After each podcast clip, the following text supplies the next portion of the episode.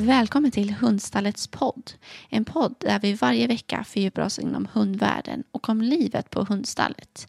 Vi berättar om våra hundstallshundar, både de som söker en ny familj och de som har fått ett nytt hem. Men även viktiga och aktuella frågor inom hundvärlden.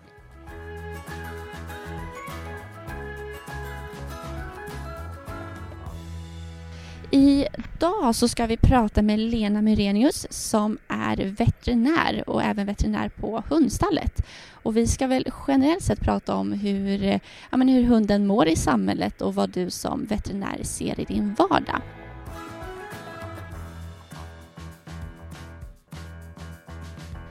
Eh, jag tänker till att börja med så får du jättegärna presentera dig och din roll. Ja, tack. Eh, jag heter Lena Myrenius. Eh, jag har varit veterinär ganska länge. Jag har jobbat sedan 1990 och jag har sedan ett år tillbaka varit engagerad i hundstallet på eh, stallet i Allingsås som är ganska nytt. Så jag har varit med från start där. Och min bakgrund är att jag har jobbat som smådjurspraktiker mest, jobbat på djursjukhus och utbildat mig ganska så tidigt i min karriär till smådjursspecialist jobbat mest med eh, tandsjukdomar på hund och katt. Och jag har en bakgrund även som att eh, jag har haft mycket djur på eh, fritiden som jag har ansvarat för. Så vi har på vår gård där eh, jag har levt de sista 20 åren eh, både får och eh, nötkreatur och en massa hästar som eh, vi har eh, betäckt och tagit föl på åt oss själva och kunder som har ställt upp hästar på vår gård.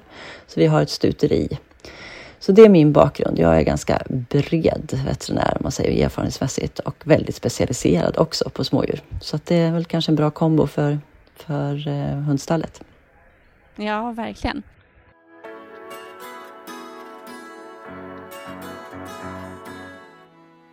Hur skulle du säga att det är att, om vi tar generellt sett nu dig som veterinär, hur är det att jobba som veterinär idag?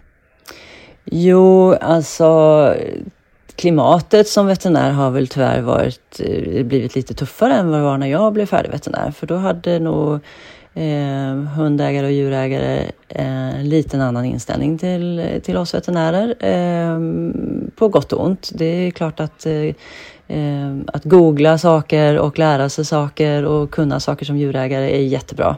Eh, och det är inget jag har emot, något emot. Men det är nog så att veterinärer idag i samhället blir mer ifrågasatta och Eh, att man diskuterar mer på sociala medier och hänger ut folk och kritiserar. Och då kanske det är ja, priserna på veterinärklinikerna och det kan vara eh, situationer som uppstår och så. Och det fanns ju inte i början av min karriär. Eh, så det har ju det har skett en stor förändring, det har det. Men det är ett väldigt trevligt yrke och väldigt roligt att jobba som veterinär och det tror jag att Eh, nästan alla veterinärer skriver under. Sen är det ett fåtal situationer som kanske gör att man blir lite ledsen eller tycker att det är jobbigt att vara veterinär när man blir kritiserad. Det är klart vi ska ta kritik och vi ska ju kunna eh, förbättra oss och utveckla oss. Men eh, det är lite mer kritik i samhället idag och det finns tyvärr situationer där veterinärer blir uthängda på ett sätt som inte alls är okej. Okay. det tråkigt men eh, det är inte det som är övervägande så att jag kan säga att jag tycker det är kul att jobba som veterinär. Eh, jag tycker det är extra roligt att vara på hundstallet. Där man känner att man verkligen hjälper de här hundarna som har hamnat lite snett på det i livet och inte har någon egen husse och matte. Att de får en egen husse och matte. En ny hundägare som kommer. Och ofta så träffar inte jag de nya ägarna utan det är ju de här tjejerna och killarna på hundstallen som omplacerar och har intervjuer och ställer höga krav på nya ägare. Ehm, så det är inte någon lätt process. Men ibland så kommer hundarna tillbaka och träffar mig när de har varit på sitt nya hem kanske tre, fyra veckor och gör en besiktning, en slutbesiktning. Och det är fantastiskt roligt. Man ser på de här hundarna att ja, men det är kul att komma tillbaka och jag känner igen den här djurvårdaren. Men jag har en egen människa. Det är nästan som man blir tårögd alltså. Det är jättekul. Ja, och det är ju verkligen något som vi, ja, men alla på hundstallet jobbar ju för. Det är ju slutmålet att de ska känna.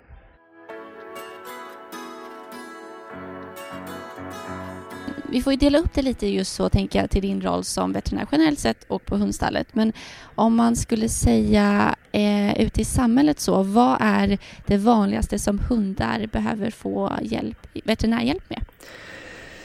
Oh, ja. Ehm det är ju så här att det jag har jobbat med de sista 15 åren är ju egentligen min specialist kunskap på tänder. Så att jag tycker ju att det är väldigt mycket djur som har dåliga tänder som kommer in genom dörrarna på, på det djursjukhuset där jag har varit, på Blå Stjärnan. Och Blå Stjärnan är ju ett akut djursjukhus som är ett av de få i Sverige som är öppet 24-7. Ehm, och det gör ju att det jag har jobbat med utöver att vara tandveterinär är mycket ute på akuten. Och där kommer det ju allt ifrån kräkningar, diarréer som är en vanlig orsak att man söker för. Det är eh, traumatiska skador, det kan vara en klo som har eh, skadats, det kan vara ett benbrott, det kan vara eh, en katt som har blivit påkörd. Eh, det, allt dyker upp där. Men, men ska man överlag säga någonting som är vanligt så är det ju mag-tarmsjukdomar, det är övervikt, eh, det är hältor till följd av övervikt och annat.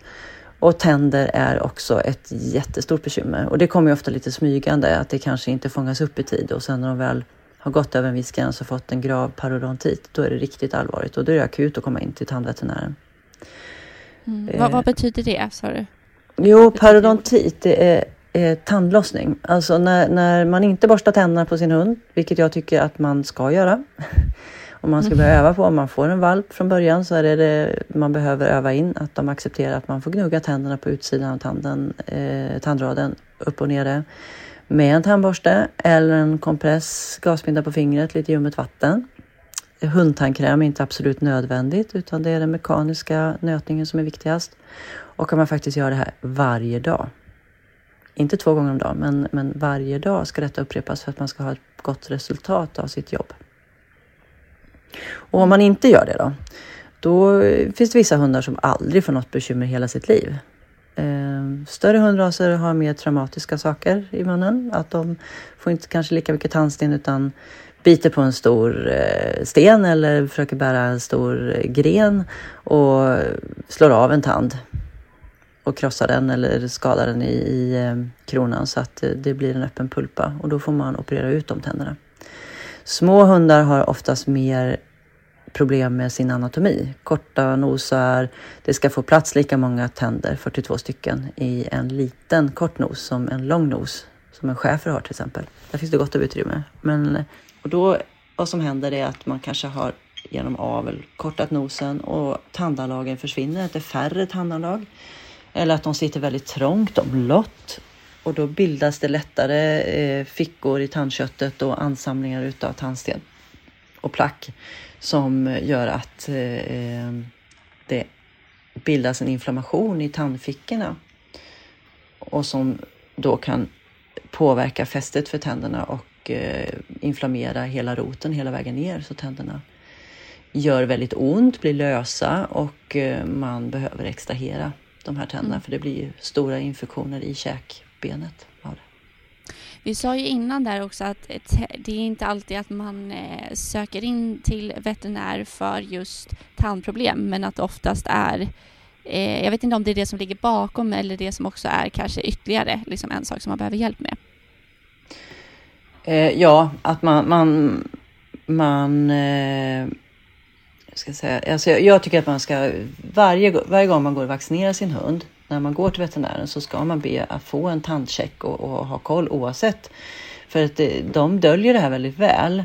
Eh, om de har slagit av en tand och lekt med någon hård leksak, de större hundarna till exempel, så kan det gå ganska lång tid där också innan man upptäcker att det är ett problem. Det är först när det börjar lukta lite illa eller så. Så mm. att var, varje dag inspektera sin hunds munhåla och inspektera och känna över och klämma på den om man hittar någon liten hudknuta eller man ser något som ser avvikande ut i munnen som inte har funnits där innan. Och sen att eh, lära känna sin hund innebär ju också att man ska veta vilken färg den har på slemhinnorna när den mår bra. För då kan man också reagera när den mår sämre. Att någonting är galet och fånga upp sjukdomar. För de, de kan ju inte prata med oss. Vi måste mm. vara tolk åt dem och förstå när de mår dåligt.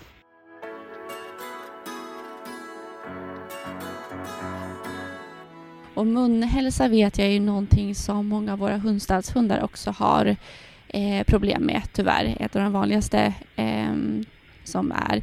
Eh, hur skulle du säga att våra hundar som vi får in, vi får in både myndighetsärenden då, eh, hundar som har blivit omhändertagna via myndigheter, men också privata omplaceringar. Hur mår de eh, eh, när de kommer in till veterinären? Ja, jag skulle säga att varje hund har ju en liten unik historia. Jag tror nog att det skulle kunna vara mer likartade eh, historier som dyker upp, men det är väldigt många olika bakgrunder och historier och ibland vet man absolut ingenting. Upphittad bunden i ett träd. Du har ingen aning om vad hunden varit med om innan. Eh, men ska man dra någon parallell, liksom vilka sjukdomar som är vanliga då på, på hundstallets hundar, så, så är det ju övervikt. Det är tandstensbekymmer, eh, allergier som, mm. som dyker upp och att eh, när de ska banta eller när de får komma till hundstallet där de faktiskt får vara väldigt aktiva och gå långa promenader och så, så dyker det upp eh, bekymmer med, med benen, att man hittar någon hälta, att det är någon gammal skada som visar sig att den faktiskt gör ont och påverkar hunden. Mm. Och övervikt så vet jag har varit ganska uppmärksammat nu i media bland annat att det är ett, eh, ja, ett stort problem för många hundar. Är det någonting som du märker av generellt sett också? Ja, absolut. Eh, det, det är ju en, en informationsfråga. Eh, ja, till, till hundägaren att eh, vad, vad, är det som är lämplig vikt? Och det är ju likadant att eh, det är lite känsligt att säga det här eh, till, till eh, hundägarna. Och jag tror inte veterinärerna är så blygsamma utan man, man talar om att det här är någonting du måste göra någonting åt. Men, men det känns ju som ett lite personligt påhopp när vi, när vi säger det till en vanlig djurägare. Det är lite lättare på hundstallet. Där ser vi hur det är. Där ska vi försöka hjälpa hunden. Vi sätter igång ett aktivt program, försiktig igångsättning så vi inte ska orsaka någon överansträngning och sådär. Så där har man ju liksom ett system för det. Mm. Och det blir lite mer objektivt. Det blir väldigt känsligt när man som djurägare eh, får ett dåligt samvete för att man kanske själv har varit lite krasslig, inte kunnat gått ut lika mycket eller ja, det där dåliga samvetet att man inte har räckt till. Eller att det är någon som faktiskt behöver pratas med extra. Det har ju hänt att jag har tagit samtal med någon mormor eller farmor till, till hunden som har hjälpt till på dagtid och talat om att nu är det faktiskt så att om du fortsätter att ge så här mycket extra mat så kommer hunden bli sjuk av det. Det kommer få konsekvenser. Då får jag vara den barska. Det har mm. också mm. ganska bra effekt. Så att det, man inte behöver säga det själv till sin hundvakt utan att man får med dialogen med veterinären. Och där kan jag säga te ny teknik med, med, mobiltelefon. Man kan eh, ha högtalare på och prata direkt och ha med någon annan i rummet när man har ett besök och förklara hur allvarligt detta är och att man ska reagera och göra någonting i tid. Det är jättebra. Mm. För det kan ju, övervikt kan ju verkligen påverka kroppen på många sätt och leda till ja, sämre leder och allt sånt, tänker jag, eh, under en ja. längre period. Och det är ett djurägaransvar. Om man inte kan hålla sin hund i rätt kondition och rätt vikt så är det faktiskt en anledning till att myndigheten som Länsstyrelsen eh, agerar och eh, det blir tillsynsärende. Mm. Så någon av hundarna som har kommit det sista året som jag vet om har nog varit det orsakat av övervikt.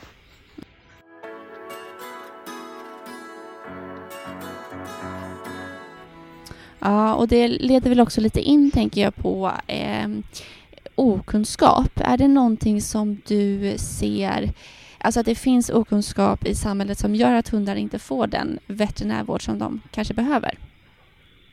Ja, tyvärr är det ju så.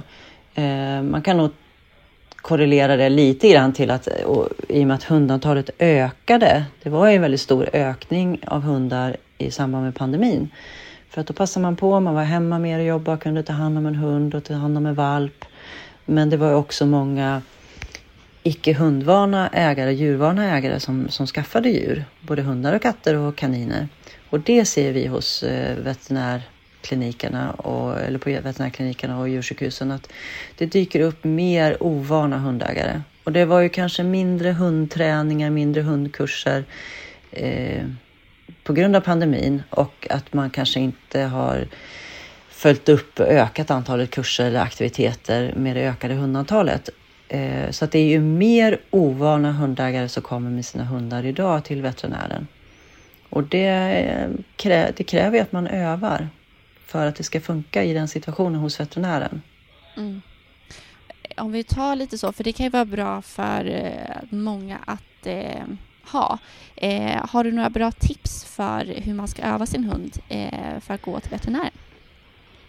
Ja, alltså man börjar ju vid 12 veckors eh, vaccinationstillfället. Eh, runt eh, 11-12 veckor går man och vaccinerar sin valp. Även de som kommer från hundstallet ska ju gå till eh, sin egen veterinär. Vi har ju en del valpar som både föds och levereras från hundstallen. Eh, och där är det ju viktigt att få uppfångat. Är det så att det är en osäker individ som tycker att det är lite läbbigt att vara här på bordet så fråga om man kan få komma in och sitta i väntrummet. Eh, man kan eh, göra ett litet besök och bara låna kanske vågen som finns i väntrummet.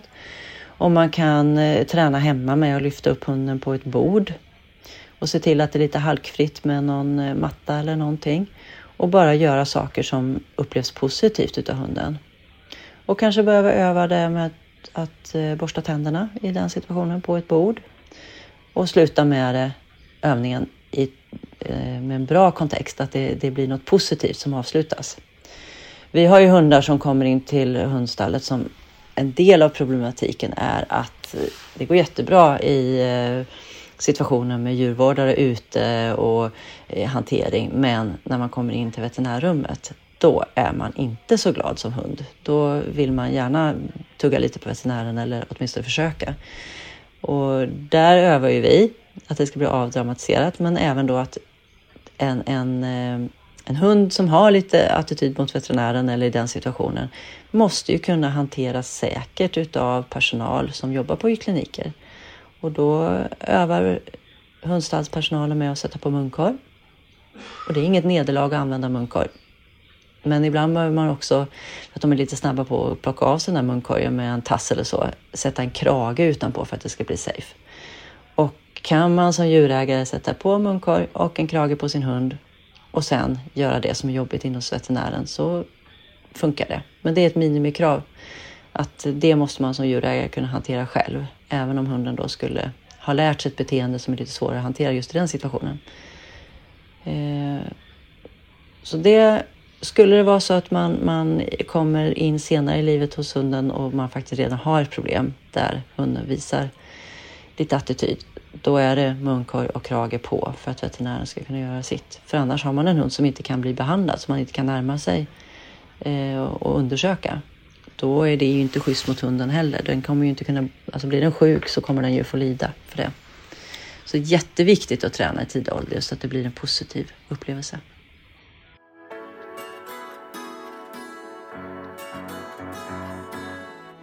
Just pandemin så har ni märkt av, det har ju blivit eh, väldigt, väldigt många fler hundar i samhället. Märks det av just att det är allt fler som söker veterinärvård också så? Har ni märkt av att det är fler hundar? Ja, eh, veterinärbranschen har ju brist på personal. Det är brist på veterinärer, brist på djursjukskötare, brist på djurvårdare. Så att eh, överlag så, så är det ju så att det blev ju tufft för en bransch som redan har det tufft. Eh, nu, vi gör så gott vi kan och det, jag tror att det fungerar väldigt, väldigt bra på de flesta kliniker. Men det, det var ju en omställning runt omkring pandemin. Att vi var ju lika sjuka i personalgrupperna som alla andra i samhället och hårda restriktioner om när du fick komma till jobbet och så. Så att eh, det har varit en tuff period och dessutom ökade hundantalet. Men jag tycker att eh, det känns som att det har hanterats väldigt väl ändå. Eh, men det är, man märker ju att det är ju de som har köpt hundar under pandemin som då kanske inte har tränat på att lämna dem själva. Och det blir separationsångest och problem när man ska gå till jobbet och inte kan jobba hemifrån längre. Eller man måste byta jobb så man eh, inte kan vara hemma på samma sätt. Och det är ju den typen av hundar som faktiskt dyker upp på hundstallet som omplacering. Vi ser när de är födda och gissar att det här är en pandemihund. Mm. Om man nu får kalla dem så. Mm. Och tuffa tider är det ju också nu, alltså rent ekonomiskt. Det är eh, många som har det jobbigt. Är det någonting som märks av när det kommer just till veterinärvården? Ja, det kan jag nog överlag säga. Eh, att jag har en uppfattning om och pratar med mina kollegor. Eh, när det gäller det här med tandåtgärder som jag jobbar mest med kliniskt så är det ingen skillnad. Jag har nog samma typ av patienter som kommer och, och har eh, ett stort behov av hjälp. Och eh, det är ju då en, en, just tänder brukar inte ersättas av försäkringen om det inte är traumatiska skador. Så där är det verkligen så att djurägarna betalar egen plånbok.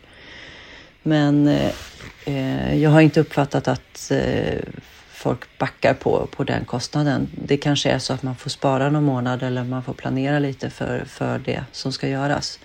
Men eh, de flesta djurägare prioriterar nog faktiskt djuren före sig själva och kanske drar ner på någon semesterresa eller någon aktivitet eller någonting annat för att kunna hjälpa sitt djur. Och det känns ju varmt i hjärtat tycker jag.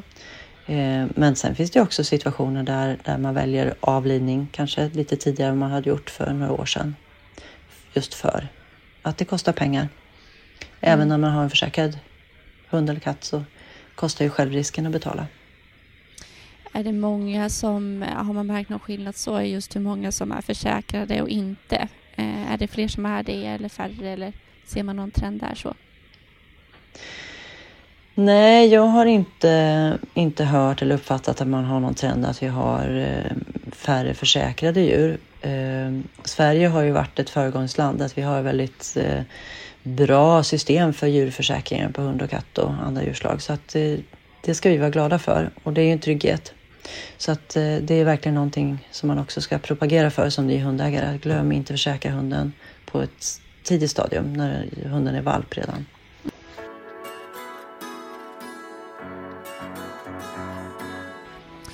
Och det här har ju också varit en eh, diskussion just eh, när det kommer till veterinärvård och att det är ibland dyrt. Eh, där det kommer in hundar som av olika skäl har ont i eh, ben eh, och där man då kanske väljer att amputera benet istället för att eh, rehabilitera det för att det är en dyrare process. Är det någonting så som du ser så eller har märkt av? Nej, eh, kroniska hälter så kan jag inte säga att jag har märkt av någon diskussion eller hört talas om. Men däremot så är det ju mycket akuta ortopedifall som dyker upp på Blå Stjärnans djursjukhus. Och eh, där kan man väl säga att där har diskussionen lyfts för att eh, just vid eh, akuta frakturer som att frakturkirurgin i sig och uppföljande besök och gips och byten och så gör att det blir en ansenlig summa i slutändan att det då ställs emot att en engångssumma som man kan se det eh, för att amputera benet, att det då blir ett alternativ. Och de diskussionerna förekommer ju och det finns ju gånger när det är självklart att man ska erbjuda amputation. Men att den där glidningen till att man kanske skulle erbjuda det ännu tidigare som en enkel lösning, den är väldigt etiskt eh, jobbig för oss veterinärer. För det är ändå ett ingrepp, alltså det kan vara ett ungt djur, du tar bort en kroppsdel som hade kunnat gått att laga. Eh, du vet inte vad som kommer i framtiden och det måste också eh, viktas emot att det här djuret som man då eh, tar bort en, en kroppsdel på och tar bort ett ben har tre ben kvar. Och de tre benen ska ju fortsätta fungera. Det får absolut inte vara så att det, det djuret lägger på sig blir överviktig för då kan man få en ökad risk med artroser och kroniska smärtor i de andra tre benen. Och, och skulle ett ben till sluta fungera, då står man där med en tvåbent individ. Och det, då kanske man får sätta stopp och faktiskt låta det djuret somna. Vilket man kanske inte i samma utsträckning hade riskerat om man hade lagat benet med frakturkirurgi. Som vi vet är rimligt och, och absolut eh, har god prognos. Då känns det jobbigt som veterinär att ta den diskussionen. Det finns gånger när det är självklart att amputera men det är inte så att det är självklart att amputera alla fall bara för att det skulle vara billigare. Det är min personliga åsikt att det är inte okej. Okay.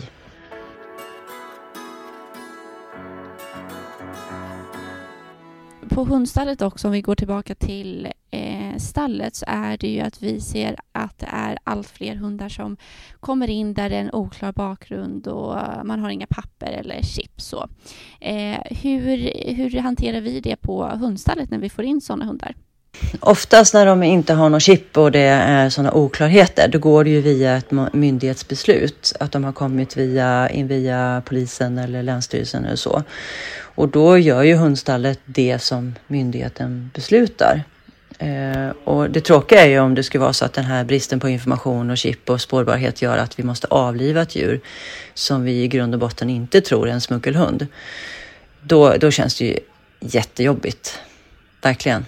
Eh, nu är det ett fåtal fall som är sådana men, men eh, vi vill ju att eh, vi ska kunna hjälpa dem att få ett, ett bra liv vidare. Mm. Och inte behöva avlivas på grund av oklarheter. Så det, det är ett väldigt bra system vi har i Sverige med krav på registrering av, alltså chipmärkning och registrering av hundarna. Att vi har koll på våra hundar. Vi har ju inga lösspringande gatuhundar utan vi, vi, vi ska ju veta var varje hund hör hemma. Om vi sköter oss enligt regelverket. Och det är ju, men det är ju mycket just, eh, speciellt under pandemin, pandemin så var det ju mycket tal om att smuggelhundar hade ökat och så. Skulle du säga att du är rädd för att eh, risken att rabies kommer in i Sverige? Absolut, absolut. Det är, det är verkligen en fasa. Eh, och det, det, alltså, det finns så många okunskaper i det här hos eh, djurägarna, att man, eller eh, kunskapsluckor där man eh, beter sig tokigt. Och jag har ju stött på fall genom åren och då har jag ändå inte stått och på, tagit emot den stora bulken utav fall på Blå Stjärnan så att andra kollegor har ju ännu fler exempel. Men, men bara det lilla jag har stått på akuten så finns det exempel där man ja, av okunskap har kört med en katt i en bur från ett Eh, Eh, land i Mellanöstern och eh, kommer till Sverige ska veterinärbesiktiga den och kanske kastrera och så upptäcker man att det finns inte ett papper på det här djuret. Och i bästa av världar så förstår då djurägaren själv att eh, det här anmäler vi till myndigheten och vi avlivar djuret på stående fot för att ingenting ska hända. Och i värsta fall hade det kunnat varit så att det här djuret hade kunnat smittat mina egna barn med rabies. Och då blir man lite förfärad att, att det kan finnas sådana kunskapsluckor om hur eh, smittorisk med djur faktiskt förekommer. Så att information, information, information.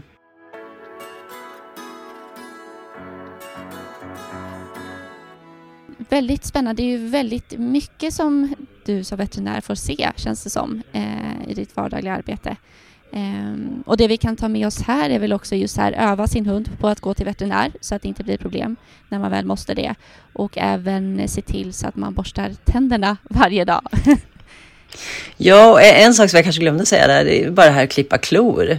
Mm. Um, är det så att det går eh, troll i det och det faktiskt inte funkar att klippa klorna på den unga valpen om man behöver öva lite. Ta hjälp av din eh, hundtränare eller din kursledare om du går på en valpkurs. Ta hjälp av din uppfödare som har fött upp hunden och fråga. Ta hjälp av andra hundvana personer i din närhet för att öva försiktigt med positiv förstärkning och eh, att det ska bli lite trevligt att göra det här och muta lite efteråt. Och sen så, så komma över det där motståndet. Det är jätteviktigt. För det är en, en sån sak som ja, har man missat den läxan, den lektionen som hund, då blir det jobbigt i livet. För klorna växer hela livet, de måste klippas. Och det är ett väldigt vanligt fenomen när de kommer till hundstallet och har blivit omhändertagna, att de är misskötta. Långa klor, har svårt att gå. Ehm, och de kanske inte tycker att det är så kul att vi klipper klorna på dem. Men med munkorg och krage och eh, ibland lite lugnande medel så kortas de ner och sen är man på banan igen och så får man hålla efter. Mm. Ja, väldigt viktigt att tänka på som djurägare. Stort tack Lena för att du var med och gästade Hundstallets podd. Tack för att jag fick vara här. Det var roligt att förmedla lite av vad vi gör bakom kulisserna.